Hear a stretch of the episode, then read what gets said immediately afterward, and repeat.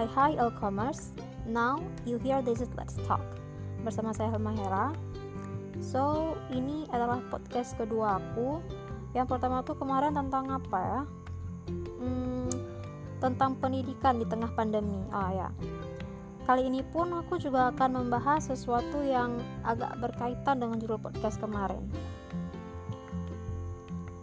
Nah, jadi di podcastku kali ini kita akan berbincang-bincang, sharing-sharing lah ya tentang pengetahuan dan perempuan. Seperti yang kita semua tahu, pengetahuan itu adalah sesuatu yang sangat penting ya, nggak peduli apa gendernya ataupun latar belakang hidupnya. Setiap orang, semua orang berhak memiliki pengetahuan dari pendidikan yang ditempuhnya. Bicara tentang pendidikan nih, seperti yang kita semua tahu bahwa pendidikan dulunya menjadi kata yang sangat asing ya bagi perempuan. Banyak perempuan yang eh, zaman dulu itu buta huruf, mereka nggak bisa baca, mereka nggak bisa nulis, ya yang kayak gitu tuh nggak jauh-jauh dari paradigma masyarakat setempat. Kalau perempuan itu nggak usah berpendidikan tinggi-tinggi. Maksudnya buat apa sih perempuan tuh sekolah tinggi-tinggi? Buang-buang uang buang-buang waktu.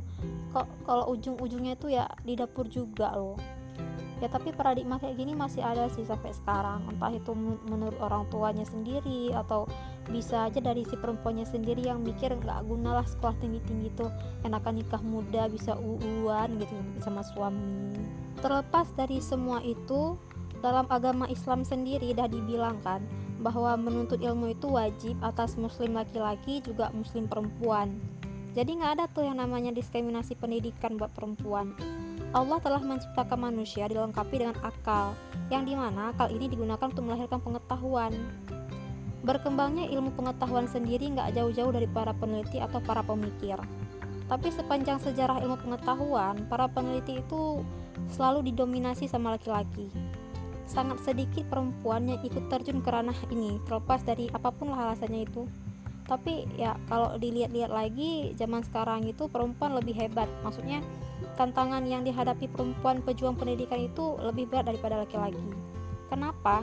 Bayangin aja, perempuan yang masih menuntut ilmu padahal udah nikah, atau lagi hamil, atau bahkan udah punya anak. Mereka masih mengenyam pendidikan yang mereka suka atau yang mereka inginkan. Dah tuh, mereka juga punya kewajiban terhadap suami mereka. Itu ya buat yang udah nikah. Jadi aku ada baca-baca sedikit lah ya di sosmed uh, di mana Menteri Luar Negeri Iran itu pernah ngomong gini ke Maria Mirzakhani uh, Maria Mirzakhani itu uh, seorang matematikawan wanita. Jadi dia ngomong gini ke Maryam a genius? Yeah but also a daughter a mother and a wife. Ya yeah, so jadi segigi itu sehebat itulah sebenarnya perempuan pejuang pendidikan Nah, bicara masalah pengetahuan dan perempuan, kita nggak bisa lepas dari yang namanya tokoh Raden Ajeng Kartini. Yap, Raden Ajeng Kartini. Beliau adalah tokoh pahlawan wanita yang memperjuangkan pendidikan bagi perempuan. Beliau dikenal sebagai pelopor kebangkitan perempuan pribumi. Um, mengulik sedikit sejarah ke belakang, dasar pemikiran Raden Ajeng Kartini ini adalah karena kondisi sosial perempuan pribumi pada saat itu dia ingin semua perempuan itu punya kebebasan menuntut ilmu dan belajar. Raden Ajeng Kartini menggambarkan penderitaan dan masalah yang dihadapi wanita Jawa akibat kungkungan adat.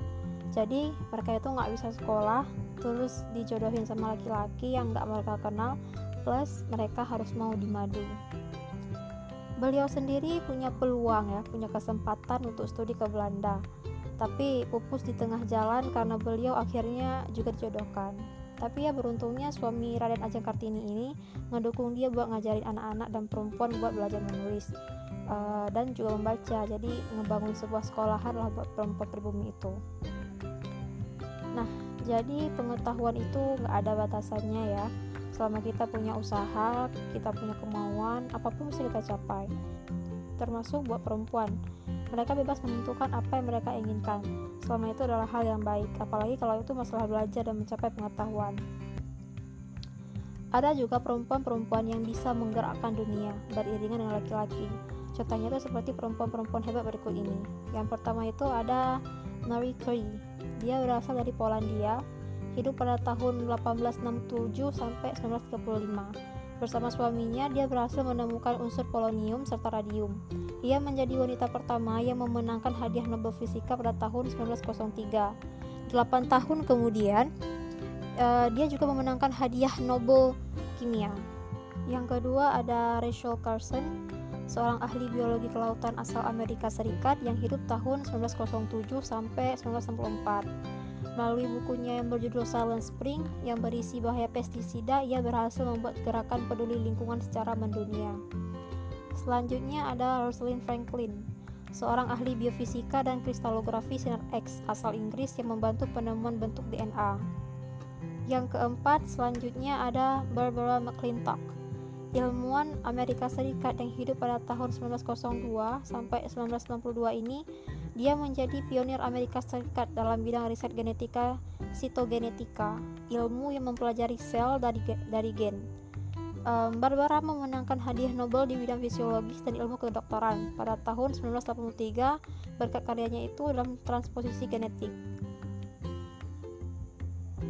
Lalu berikutnya ada Liz Meitner. Dia dikenal sebagai ibunya bom atom hidup tahun 1878 sampai 1968 bersama dengan rekannya Otto Hahn, mereka menemukan fisi nuklir.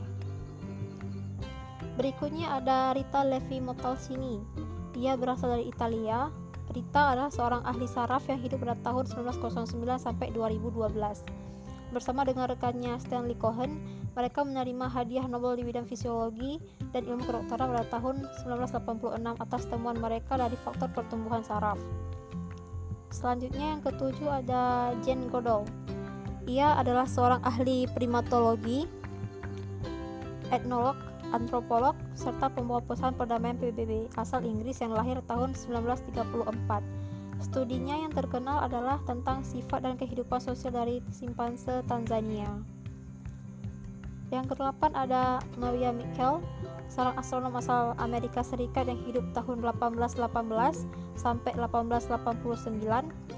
Tahun 1847, ia berhasil menemukan komet dengan menggunakan sebuah teleskop yang kemudian dinamai dengan Miss Michaels Comet. Ia menjadi perempuan pertama yang tergabung dalam anggota dari American Academy of Arts and Science. Yang kesembilan ada Mae Jemison, Lahir tahun 1956, ia menjadi astronot Afrika Amerika perempuan pertama yang pergi keluar angkasa. Ia juga seorang dokter yang di mana hasil karyanya itu berfokus pada interaksi antara ilmu pengetahuan sosial dan teknologi.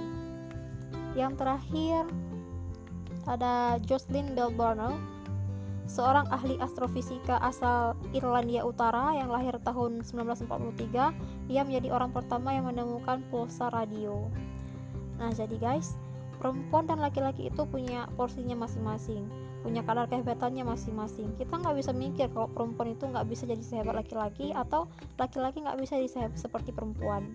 Buktinya ada perempuan yang bisa jadi pilot uh, seperti Amelia Earhart dia pilot wanita pertama.